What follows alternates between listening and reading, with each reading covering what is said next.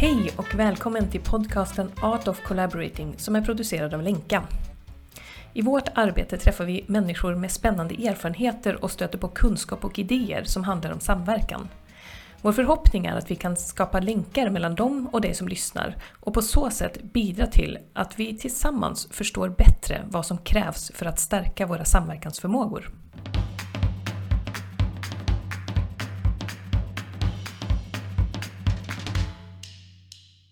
Ja, men vad trevligt eh, Nu sitter vi här med eh, Kiki Oljemark eh, och vi har läst din bok eh, Att leda i förändring. Ledarskap, appreciative inquiry och samskapandets kraft som kom ut 2022. Så det är en, en ny bok. Och Kiki, vad vi förstår så är ju du universitetslektor i psykologi på Mälardalens universitet och du har ju arbetat och arbetar också som konsult och har en lång erfarenhet som chef och ledare också i olika positioner.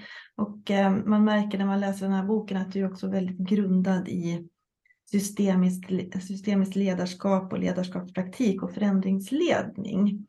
Eh, så det är väldigt kul att få prata med dig här i den här podden idag. Men är det något mer som du vill berätta om dig själv eller något som kan vara bra för våra lyssnare att känna till kopplat till din bakgrund?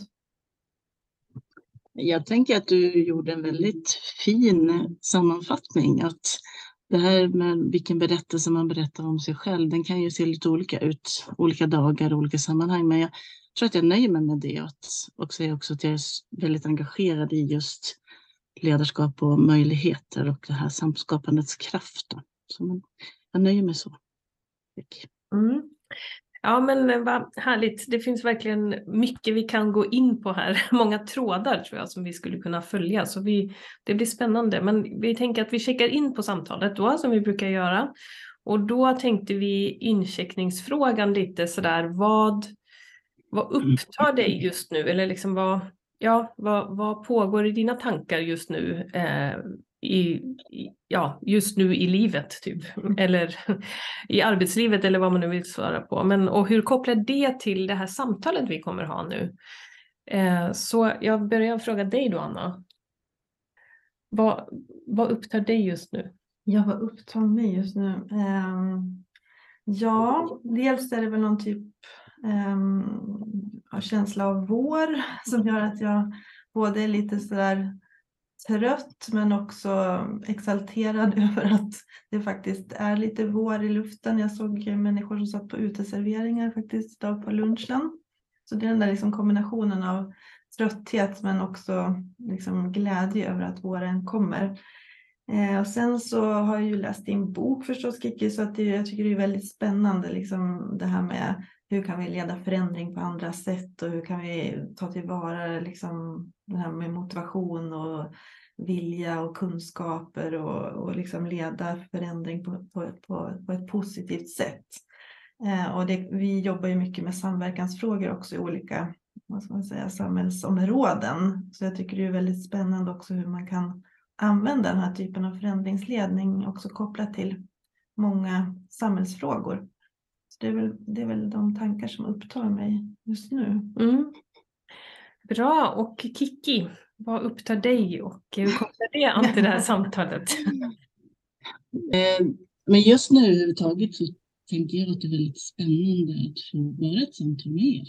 Och jag tänker i det här mellanrummet, i, i mötet mellan oss och utifrån de tankar och erfarenhet ni har, var kommer vi hamna i det här samtalet och vilka berättelser kommer att komma fram? Och jag är ganska upptagen överhuvudtaget av berättelsernas kraft och hjälpsamma berättelser. Och jag håller också på skriver en bok om det just nu. Eh, men, men just det att jag är nyfiken på vad händer i det här samtalet och det här mötet mellan oss och vilka berättelser kommer att komma fram. Jag är nyfiken på det. Det upptar mig. Mm. Ja men vad fint. Ehm, och eh, om jag ska svara på frågan då så Eh, det som upptar mig väldigt mycket nu är faktiskt ehm, de här eh, klimatfrågorna och jag har inte varit så himla upptagen av det faktiskt. Men nu har jag liksom börjat befatta mig med det mycket mer och börjar liksom inse hur, ja, hur, eh, hur läget verkar se ut i, på jorden. så jag är liksom lite sådär, vad ska jag säga, mellan sån här förtviv eller hopplöshetskänsla och eftersom det liksom också har visat sig att alla de sätten vi har försökt eh, bromsa det här på, det fungerar liksom inte. Så att eh, då blir det ju lite, ja, och ja, med, med insikt i också hur komplext det är och hur svårt det är att förändra system. Så, så ja, då, då det blir väldigt angeläget och samtidigt vad, hur ska man gå tillväga? Så jag tänker att det, på ett sätt kopplar det ju an till det här med förändringsledning väldigt mycket och hur, hur för det är ju om något en stor förändring som behöver ske. Eh, så, ja. så vi får se om det också kan komma in här på något sätt. Mm. Men det är ju den här lite dystra berättelsen jag kom in med då, om man ska kanske prata berättelser. Mm. uh, ja. Mm.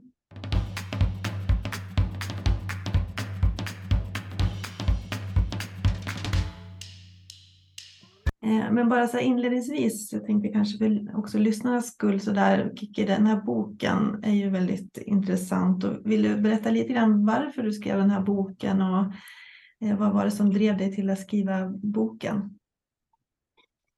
Alltså, jag älskar ju överhuvudtaget att reflektera och skriva och sen har jag ju lång erfarenhet av eget ledarskap och trillat dit massor av gånger och funderat väldigt mycket på vad det gör som skillnad som bidrar till att man kan förankra processer, skapa delaktighet och ansvarstagande, det här samskapandet, att vi tillsammans gör det här. Och sen i mötet med alla människor som jag träffat genom åren, chefer och medarbetare, så har jag fått ta del av så mycket fantastisk erfarenhet och kunskap och berättelser.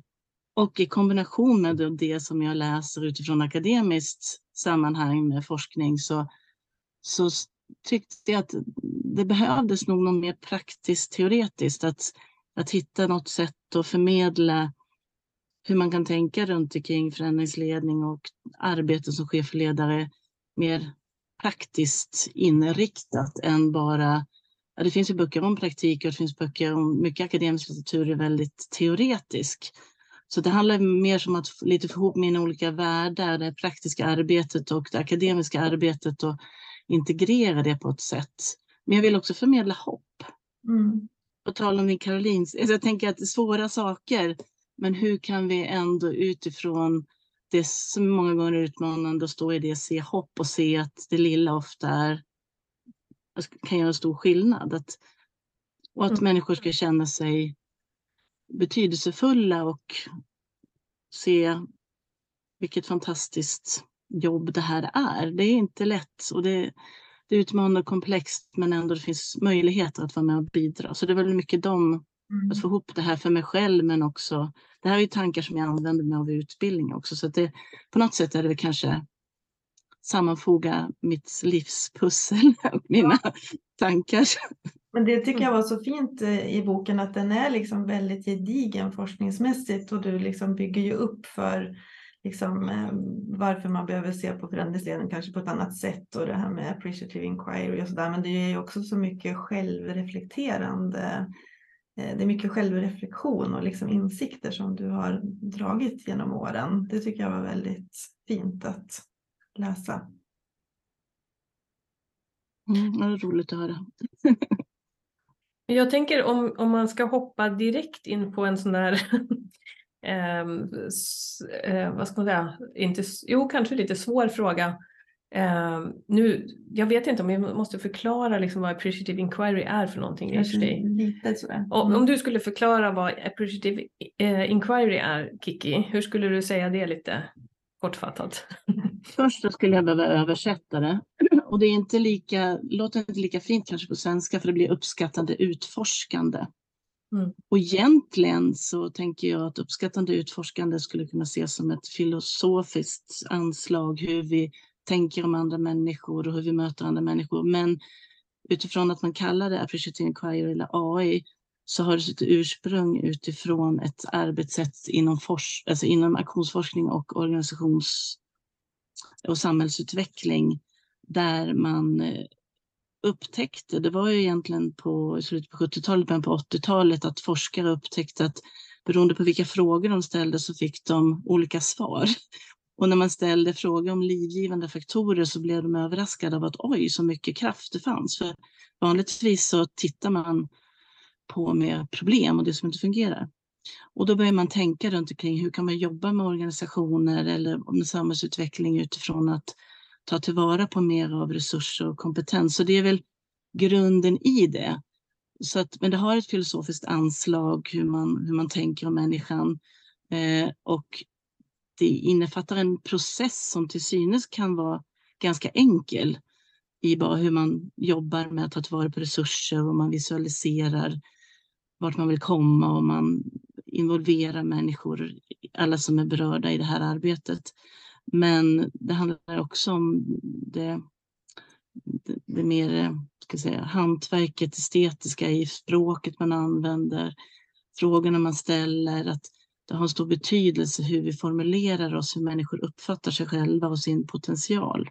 Mm. Så det handlar mycket om att från att vi har varit väldigt problemfokuserade, se mer att alla människor har resurser och kompetens, men, men vi kanske måste locka fram den och att vi behöver stärka den och bygga mer på det som fungerar i organisationer än att bara titta på det som inte fungerar. Mm. mm. Varför tänker du bara lite kort, det är ju vanligt att vi har den här problemorienterade ansatsen. Var, varför är det så vanligt? Det kan man fråga sig och jag blir förundrad för det här är inte så vanligt att jobba på det här sättet i Sverige. Många har ju, och när jag lyssnar på era poddar också, många och ni har ju ett liknande förhållningssätt och tänker. Man kanske använder ett annat språkbruk, men liknande tankar, men ändå ett strukturerat arbete på det här sättet är inte speciellt vanligt i Sverige. Det är mer vanligt internationellt.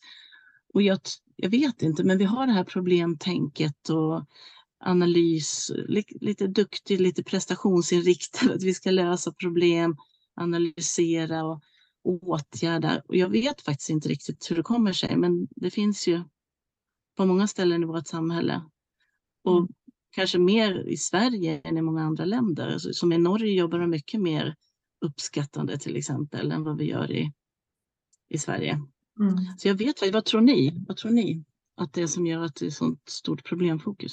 Ja, det är ju väldigt svårt att veta var det kommer ifrån, men det är ju just intressant det du skrev också i boken om att, att det här har fått genomslag eh, i så många andra länder, men inte lika mycket genomslag i Sverige. Jag tänker mm. också mycket på det här med eh, att det du säger att vi är så vana att analysera saker och också dela upp och det känns, det känns väldigt förankrat i Sverige det där att vi ska liksom dela upp problemen på olika myndigheter och olika eh, institutioner som ska liksom analysera sig fram. Eller kanske det här att just experten och analysen har någon väldigt liksom, prestige. Det finns, det finns något bra i det, eller det har varit så i alla fall. Och eh, den som är ja, eh, mer, vad ska man säga, den som ställer frågor eller som får något att hända. Alltså, det, det, är inte lika, ja det pratas inte om på samma sätt. Och den förmågan känns inte som att man lyfter på samma sätt. Kanske. Man kanske mm. gör det. Jag vet inte riktigt i andra länder. Jag, nu tänkte jag på Tyskland för att jag har bott länge i Tyskland och där tycker jag att de är väldigt problemorienterade faktiskt också. mm. och då tänkte jag att det har med själva deras språk att göra men ja, nej det, um, det är en, det är men det är, Ja, men det kan ju vara historiskt. Det skriver boken också lite om hur utvecklingen av hur man tankar om organisationerna och forskning och ledarskap har sett ut historiskt, både utifrån forskning men också konsulteri, att, att höja statusen i själva ledarskapet. Och då blir man ju en person som ska ta mycket ansvar och lösa problem. Men som du var inne på Karolina, att det var att stötta andra i att vara de som tar ansvar och utvecklar sina förmågor. Det är ju ingenting som syns lika tydligt och då är man kanske inte, man känner, men jag möter ju många chefer som, som, som tänker så klokt och så fina och reflekterande men ändå hamnar i prestation vad det gäller ekonomi, ekonomi till exempel.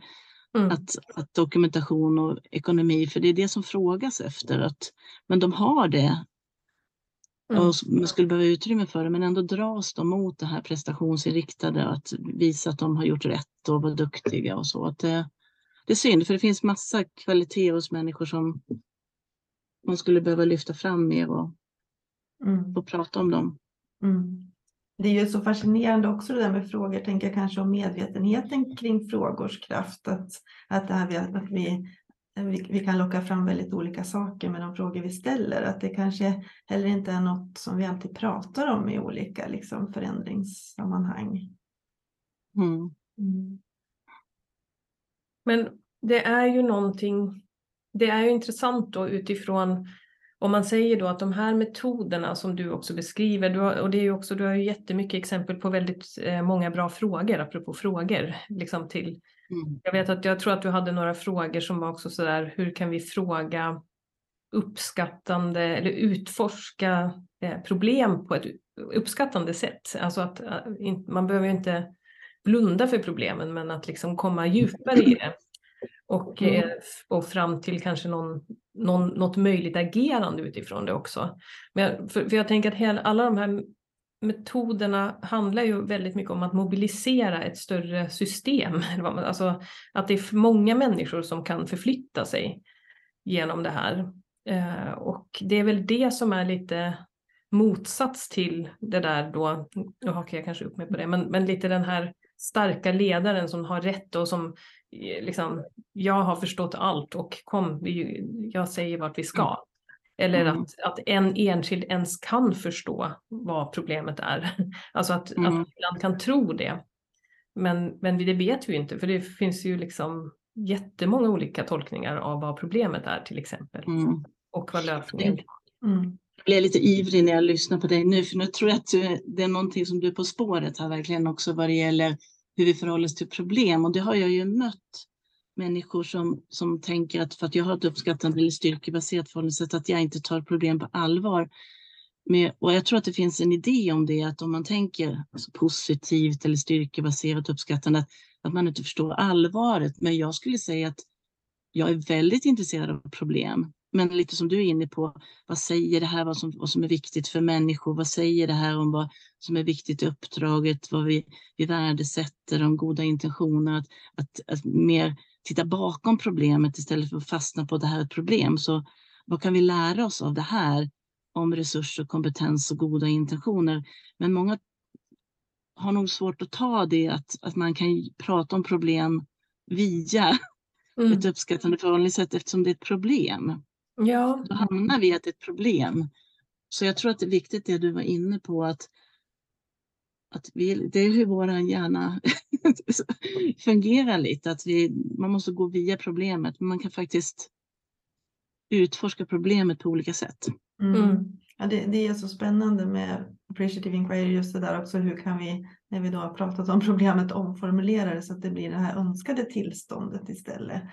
Eh, Och det finns väl mycket intressant där, liksom vi är ju runt i väldigt många utvecklingsdiskussioner kring samhällsfrågor idag och det är ju ganska mycket också kanske att man stannar länge i problemfokus eller utmaningsfokus, vilket ju inte är konstigt. Men Mm.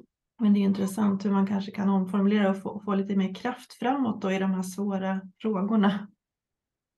Ja, ja men att, att det blir som att vi, när man omformulerar det som du är inne på, att alltså vem vill röra sig mot, alltså ha en utvecklingsdag, i, alltså vilken, vad ska jag säga, vilken energi skapas det av att vi har en utvecklingsdag där vi ska prata om det dåliga bristande samarbetet och eh, eh, dålig kommunikation mot om man skulle träffas för en arbetsdag, för en, en framtida arbetsplats där vi gemensamt arbetar för samhällets bästa eller där vi genom ett bra samarbete eller samverkan eh, bidrar till sam alltså att, att vända det till det vi vill mot.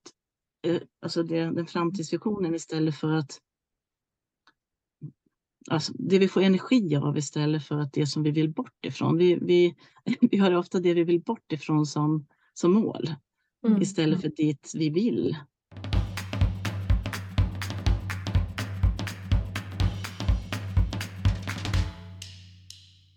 Jag tänkte också nu på att det här att vi har ibland en föreställning om att, eh, att där liksom är problemet. Och nu ska vi liksom nu ska vi förstå det där problemet där, där ute liksom. Medan det här tillvägagångssättet att ställa frågor eh, och komma åt eh, vad, vad, är, vad säger den här frustrationen om det här problemet, om vad vi egentligen eh, värnar om eller vad, vad det är. Nu tänker jag bara på klimatfrågan också, att där skulle man kunna ställa sig, varför tycker vi att det här är så fruktansvärt att höra de här nyheterna om att det går så dåligt? Vad, vad är det liksom som vi som står på spel för oss i det eller, eller sådär, att komma åt det där. Och då tänker jag också att de frågorna stärker relationen till någonting. Alltså både, de stärker både relationen mellan oss människor eh, för att vi pratar med varandra och får syn på saker hos varandra eh, och får kanske energi och så. Men det stärker också relationen till det vi pratar om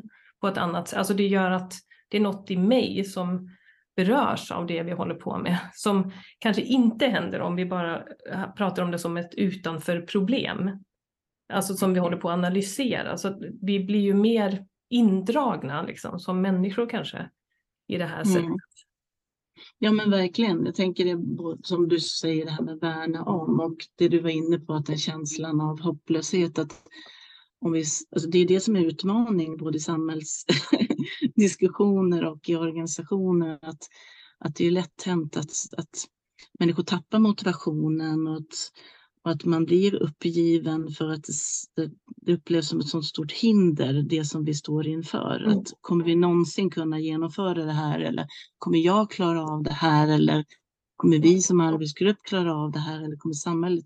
Men om man istället då kan formulera det som vad, vad vi värnar om och vad vi vill uppnå för någonting så, så tror jag att det är lättare att få med sig folk. Att nu blir det polariserat och då det är ju risk att de som verkligen tänker allvarligt på att vi måste, det måste ske en förändring, de, de, deras språkbruk blir ännu mer intensivt i att varna. Mm. Och de andra riskerar att bli mer förnekande och inte vilja att, att hittas någonstans emellan så att ja, man kan få hoppet i en utmanande situation och känna att vi kan klara av det. För det handlar också om tilltron till sin egen förmåga att faktiskt klara av det här. Att, mm. Och som ni är inne på, som, att tillsammans mm. kommer vi. Och det är det som tänker jag att Appreciative Inquiry också verkligen jobbar med som process. Att, att alla kommer kunna bidra och man blir alltid så glatt överraskad över att det finns så mycket resurser och kompetens att ens mm. chef och ledare behöver inte ta ansvar för att komma på lösningarna utan gruppen kommer kunna göra det om vi tillsammans pratar om hur vi vill uppnå det och vad vi har för erfarenhet av hur vi kan uppnå det som vi dit vi vill mm. komma. Mm. För det känns ju som i många sådana här komplexa samhällsfrågor som till exempel då klimat som ju är en väldigt liksom, överordnad stor utmaning så blir det ju så viktigt att ta tillvara allas kompetens och olika kunskapsområden och olika erfarenheter än att liksom någon ska sitta på sin kammare och försöka förstå det här. Så att det finns ju liksom stora möjligheter att jobba mer så kompetensbaserat kring de här frågeställningarna någonstans. Mm.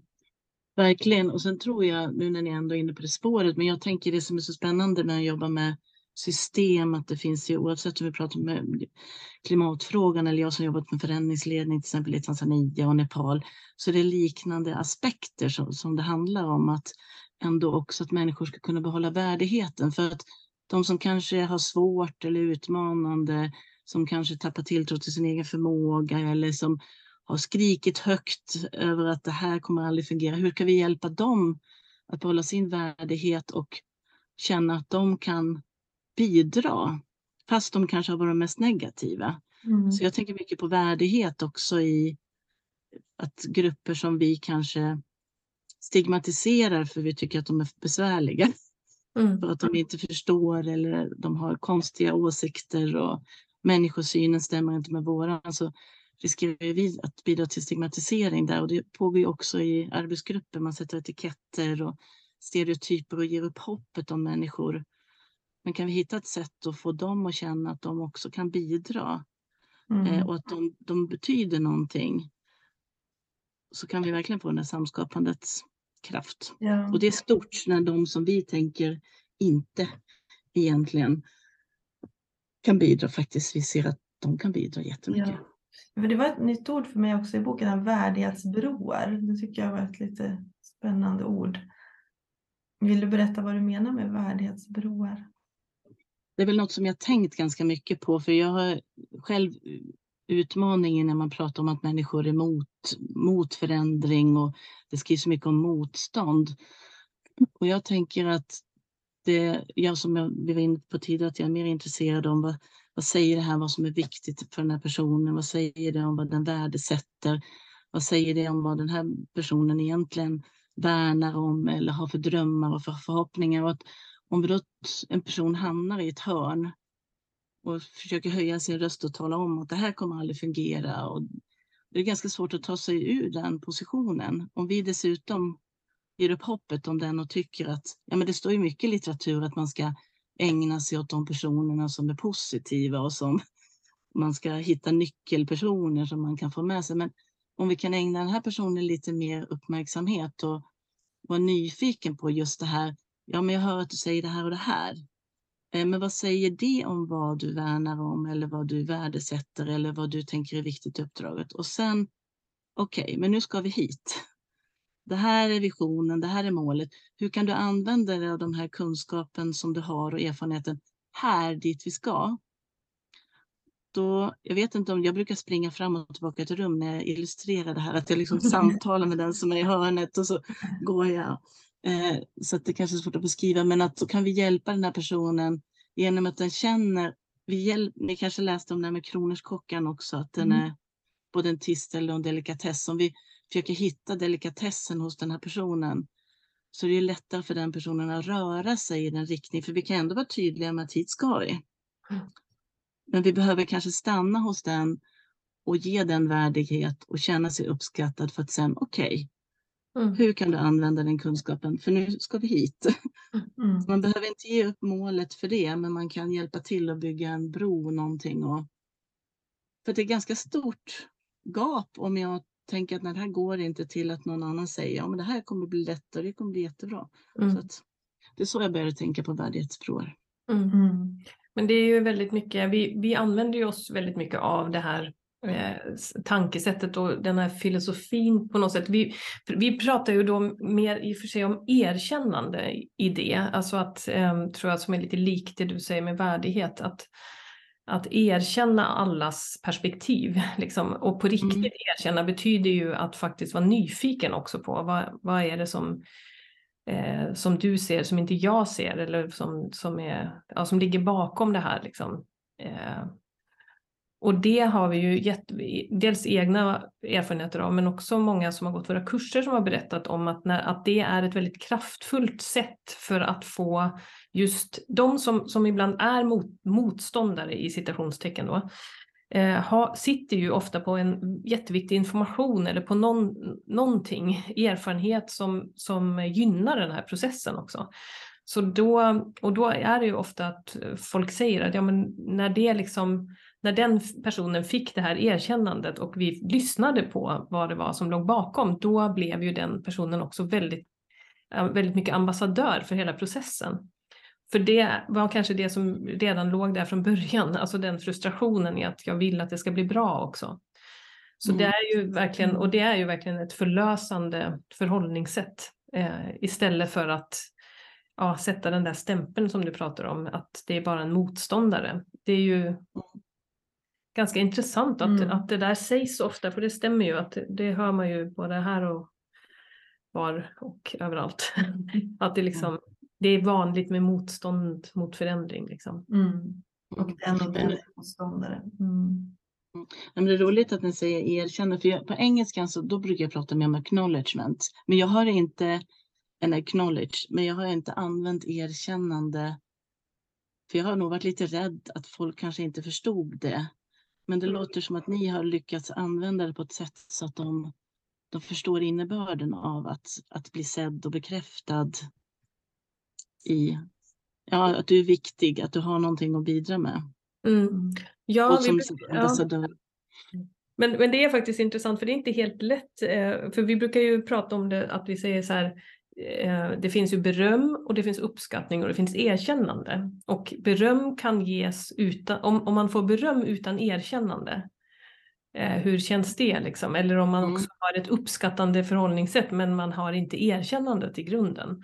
Hur Mm. känns det? Och, och det brukar vara, tycker jag, det, det är ett bra sätt att beskriva det på, för det har alla en erfarenhet av och det är väldigt mänskligt tror jag att veta när, eller att känna om jag får ett erkännande eller inte på Mm. riktigt. Så det har alla någon form av upplevelseerfarenhet av. Mm. Mm. Mm. Jättespännande, för då, då, det, får, det du säger nu får mig att tänka på att, att det har ju gått liksom lite, att det har varit modernt under många år att, att man ska tänka positivt och att man ska ge feedback. Men när jag möter arbetsgrupper så landar det inte alltid så väl när de, de märker att deras chef har gått och lärt sig ge positiv feedback. Men det som jag tror blir diskrepansen då, det är du är inne på, att de har inte känt erkännandet, de har inte känt sig sedda, utan de är du är duktig. Mm. Eh, att verkligen hitta att säga att Nej, men jag hörde dig säga det här och här eller jag såg det här och det här och då tänkte jag att du är en person som verkligen har god samarbetsförmåga. Eller att, att, och då går vi in på det erkännande som ni, Mm. ni pratar om, att det, att det blir skillnad. Vad, bra beskrivning av att, att förstå att men jag tror många kurser tyvärr blir väldigt förenklade i att man ska bara, vad säger de? Man måste säga fem goda saker innan man säger negativ och allt vad det är för någonting Mm, istället för mm. vad handlar det egentligen om? Ja, det blir lite Att människor ska känna sig sedda. Mm. Ja, Mm. Eller lite för metodmässigt. Mm.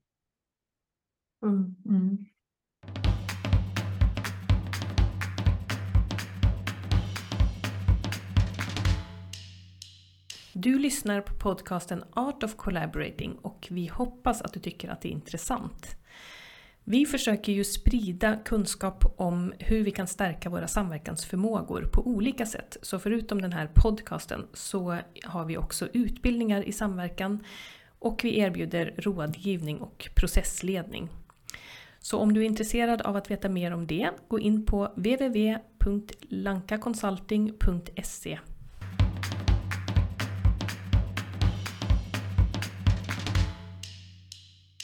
Ja, vad intressant. Frågan är om vi ska ta en liten time-out-runda.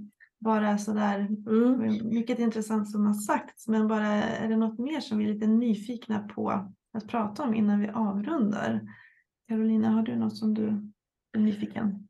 Eh, Ja, jag, jag är... Ja, jag blev dels nyfiken när du sa Nepal och Tanzania. Det verkar som att du har jobbat där då. Eh, Så det var, det var bara så här som jag tänkte att jag ville dubbelklicka på vad, vad du har gjort där. Och sen, eh, men sen är jag också nyfiken på det här som du checkade in med, med det här med berättelser. Och eh, vad du tänker kring det och varför du går igång på det så mycket. Det, det Mm. tyckte jag också var, ja, det är något som jag, som satte igång något hos mig i Mm. alla fall. Mm. Eh, Kiki, är det något som du är nyfiken att prata mer om innan vi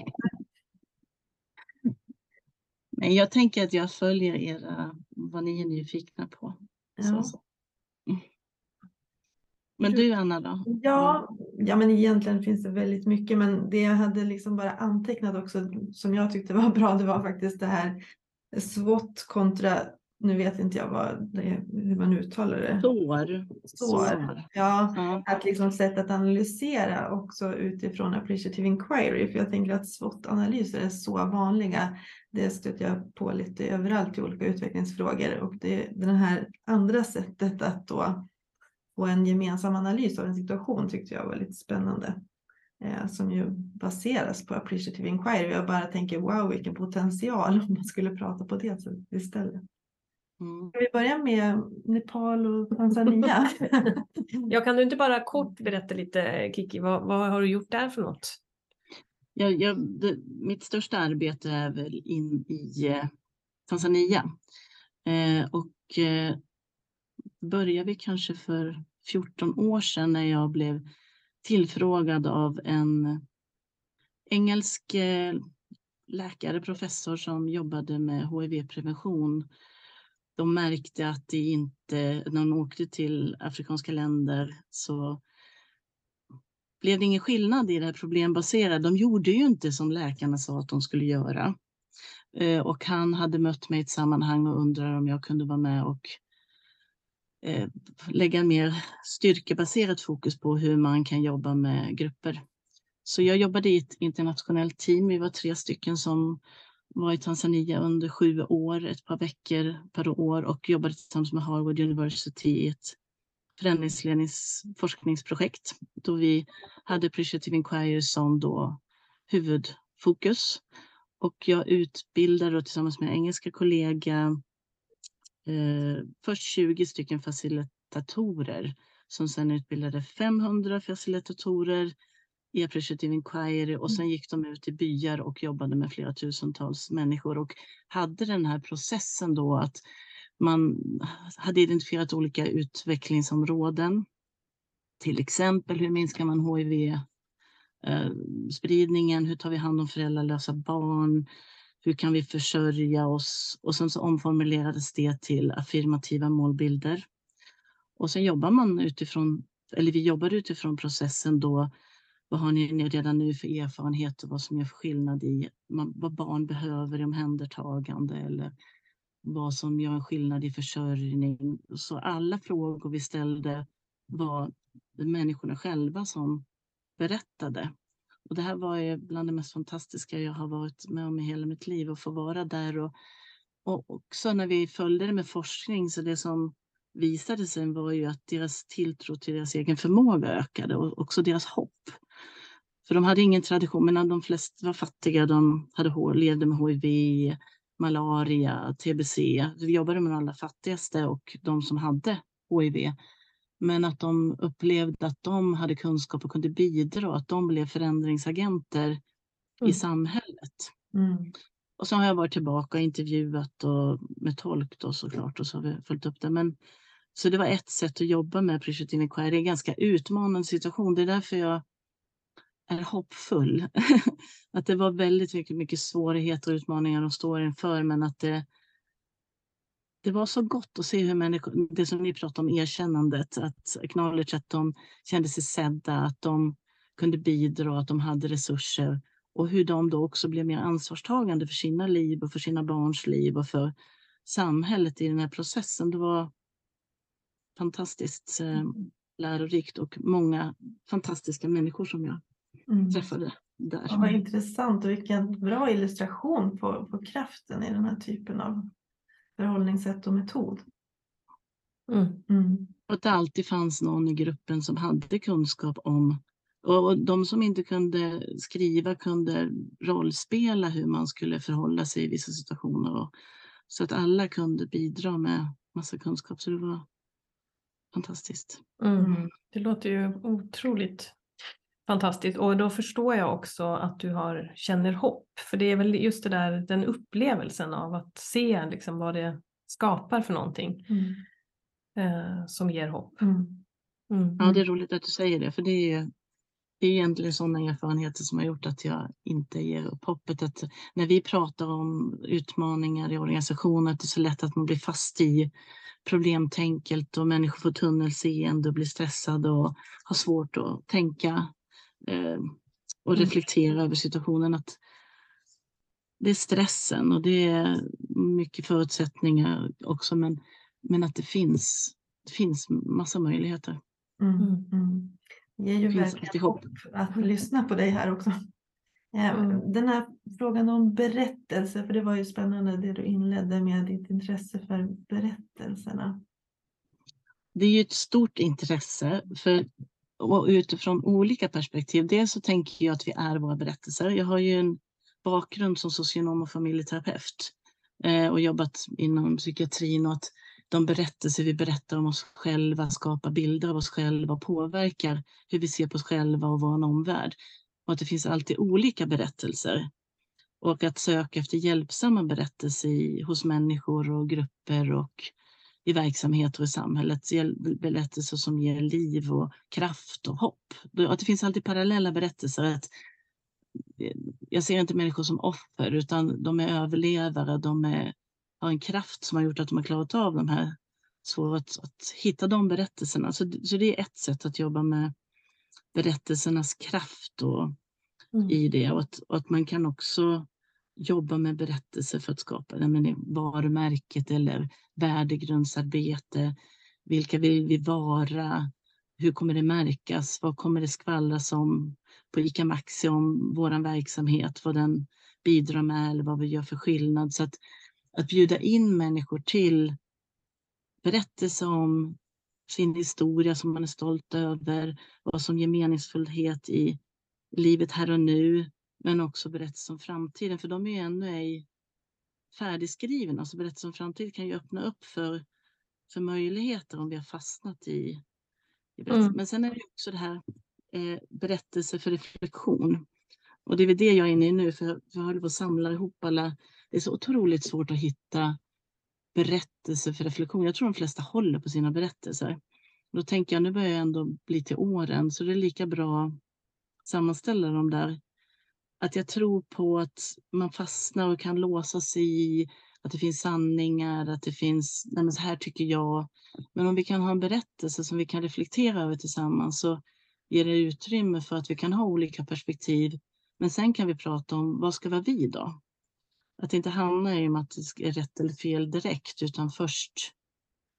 Så berättelser på så många olika sätt så tycker jag det är intressant. Och Tanzania är ju ett land där man pratar, där är mycket berättelser och det finns 120 olika språk och man delar mycket berättelser med varandra.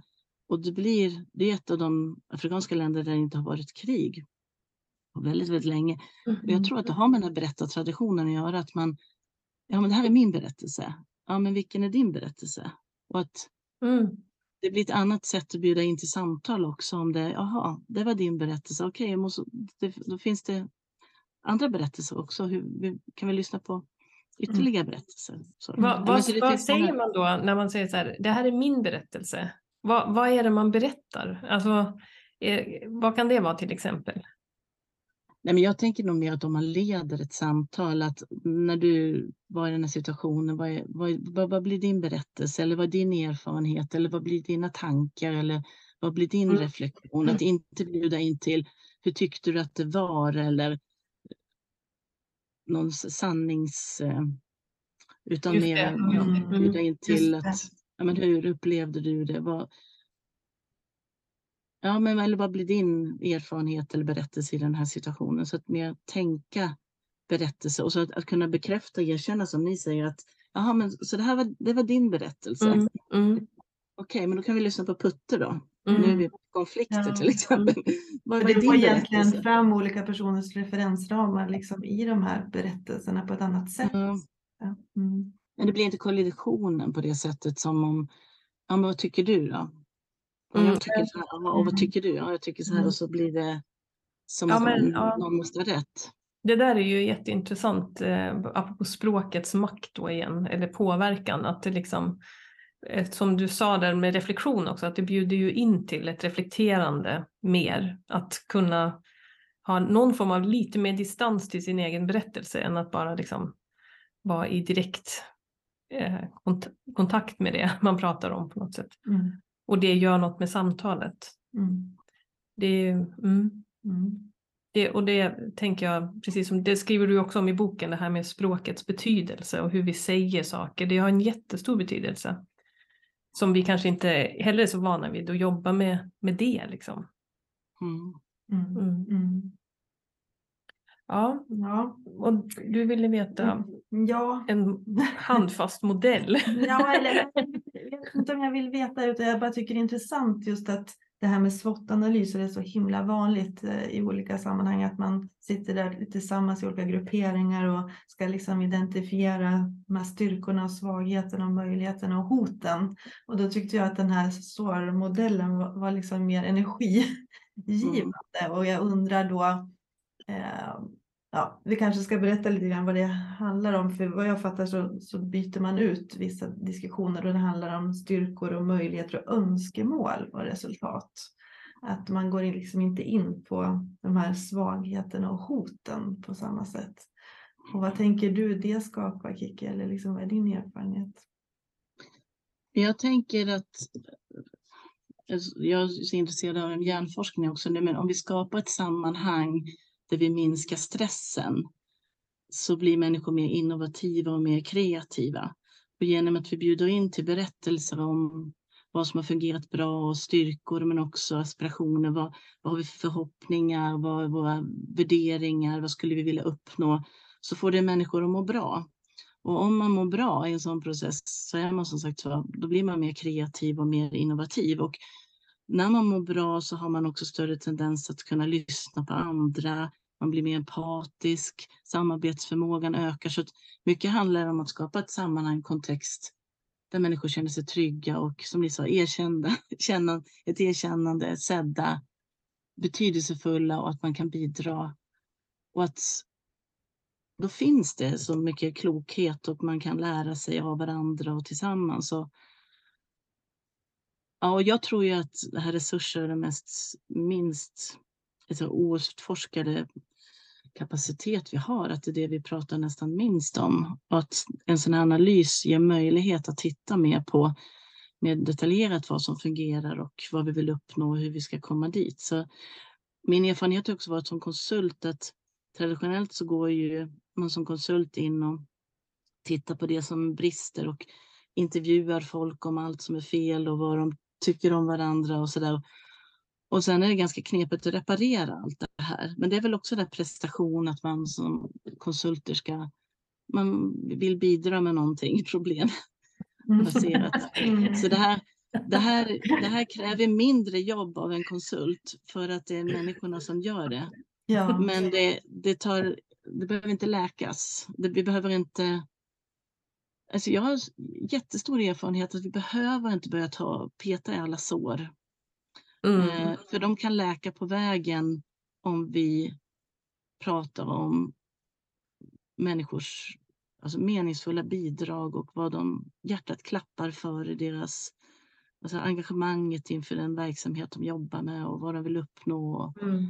Så kommer det så mycket gott utav det att folk blir väldigt kreativa. Mm. Tänk också mm. vilken potential kring olika utvecklingssammanhang om det skulle vara mer åt det hållet så att säga, i alla samtal. Mm. Ja. Men det är, det är ju... Så skil... mm. Nej, förlåt. Nej, det var ingen fara. Vänta, säg du. Nej, jag bara tänkte igen på det här med det här att, att det intressanta är då eh, att även om vi liksom vet, eh, även om vi säkert skulle säga ja, det är klart vi vill ha det där positiva, vill, vi vill hitta alla resurserna och allt det där. Men att det, det är ju ändå väldigt sällan att vi använder ett sådant angreppssätt. Man, jag tyckte det var kul du sa med konsulten som ska bidra med något problem. För att det är liksom så, ja precis, man ska komma med en liten problemanalys. Man ska liksom vara smart igen då och liksom sitta på sin kammare och göra en analys av det hela. Eh, och att som att om man då går in i en process där man tar tillvara liksom styrkorna och resurserna i en grupp, då det är som att då är inte konsulten värd så mycket mer då kanske. För då är det ju människorna själva som, som gör jobbet egentligen. Eh, man, man faciliterar det bara eller man, liksom sätter, man möjliggör det, vilket ju är fantastiskt. Men jag bara, jag bara försöker förstå varför vi inte gör det mer, alltså rent intuitivt liksom. Jag tror att vi har lite otur när vi tänker det och det handlar inte bara om konsulterna som, som är inlockade i det här sättet att jobba utan också chefer. Tyvärr stannar inte upp och ser den kompetens de har och den förmågan när, de inte har tid och, när man inte har tid att reflektera som chef och bli trygg i sig själv och sina värden, värderingar, hur man vill leva så är det risk för att lite som kejsarens nya kläder att man tänker ja men här kommer med någonting jättebra och kan lösa det här. Men risken är att man tappar ännu mer självförtroende som chef och ledare när någon annan äger processen, en process som vi kanske inte ens kan äga istället för att jag tror ju mycket mer på att chefer själva är de som ska göra saker, men vi som jobbar som konsulter kan backa upp och stötta mm. chefer i deras arbete. För det är de som ska leda framåt och de ska göra det tillsammans med, eller att man åtminstone samarbetar med chefer väldigt mycket närmare i de här processerna så att de kan leda vidare och känna själva den här tilltron till sin egen förmåga. Så att mm. de blir trygga i att vara i process. Mm. Ja, ja eh, jag ser att tiden går lite grann här och eh, frågan är om vi ska runda av lite grann. Mm. Eh, och då brukar vi checka ut också. Eh, ja, men vad tar du med dig från det här samtalet kanske? är en check-ut-fråga som alltid brukar fungera. Eh, vill du börja Carolina? Ja, gud vad snabbt tiden gick tänkte Mm. jag bara nu för att eh, eh, jag tycker att det har varit ett väldigt intressant samtal och väldigt ehm, ja, hoppingivande och eh, jag tar väl med, men, men och jag tar samtidigt med mig det där liksom, jag också vet vad som är, eller vet, men att jag kan, att det är inte så lätt heller att, att gå in i det, eller man måste liksom fatta det beslutet på något sätt, att nu tror vi på det här tillvägagångssättet och sen gör vi det. Eh, jag, jag tänker nu om jag kopplar an till min check-in-grej där med klimatet till exempel, att egentligen så, ja, det, det andra fungerar ju inte heller på klimatet, så vi skulle i alla fall kunna försöka med ett sånt här eh, annorlunda tillvägagångssätt. Vilket, men jag tänker att det, det som det kommer krävas är ju väldigt mycket, det är tid för reflektion och eh, utan att veta exakt vad som kommer komma ut av det. Och eh, det är väl eh, jättebra om vi vågar oss ut i det lite mer. Men eh, jag tycker det är fantastiskt att du finns Kiki och att du håller på och skriver böcker och jag ser jättemycket fram emot din andra bok och ja, det var jätteroligt att prata med dig. Det tar jag med mig. Och Kiki, vad tar du med dig från det här samtalet? Jag tar med mig att jag blir väldigt nyfiken på er och att jag påminns om att vi, vi är många som ändå har liknande tankar. Vi jobbar i lite olika sammanhang och vi men när vi får stanna upp så möts vi i det här mellanrummet som är så berikande och att, att jag tänker att mer också så här kollegialt. Det är så mycket som ni har sagt som jag har tänkt oj och det får mig att tänka på det här. får mig att tänka på det här. Så att tanken hela tiden utvecklas i ett, i ett samtal så här och att ja, men jag blir jättenyfiken på er med och ser fram emot att läsa er bok också. Så att, och jag tackar för, för förmånen och för det fina samtalet med er. Mm. Tack. Och du då Anna? Eh, ja, men eh, energi och motivation, allting som kommer från AI, höll jag på att säga, eh, och glädje. Eh, och, eh, nej, men jag känner mig nyfiken på mer och fler samtal och jag, eh, nej, men jag bara tänker också utifrån det här, liksom det som är en av grunderna i AI, att det här tar tillvara allas kunskaper och erfarenheter och resurser. Att liksom tänk ändå om det skulle vara så på fler platser och fler samtal och i fler samverkansprocesser och i fler sam samhällsfrågor. Eh, då skulle liksom ändå så mycket mer kunna åstadkommas. Tänker jag bara sådär spontant att, att liksom om vi blir bättre på att ta tillvara kunskaper och resurser och erfarenheter och motivation så borde vi ju kunna skapa mycket bättre eh, lösningar. Så tack Mm. så jättemycket för det här samtalet. Men jag har en, en, själva. ett Mm. Önskemål. ja. Kan jag få läsa upp, för att eh, bara innan vi liksom slutar hela podden. Det, du har ju skrivit på slutet några ord på vägen. Alldeles på slutet av din bok. Och då, var, då bara tänkte jag, jag tyckte att den första, det första ordet, det är massa ord på vägen, men det första, får jag läsa upp det bara? Som jag tyckte var så fint. Ehm, och då har du skrivit så här. Människors och gruppers förmågor, kompetens, resurser och potential är den mest outforskade kapacitet vi har och dessutom den främsta livgivande faktorn i organisationer och i samhället.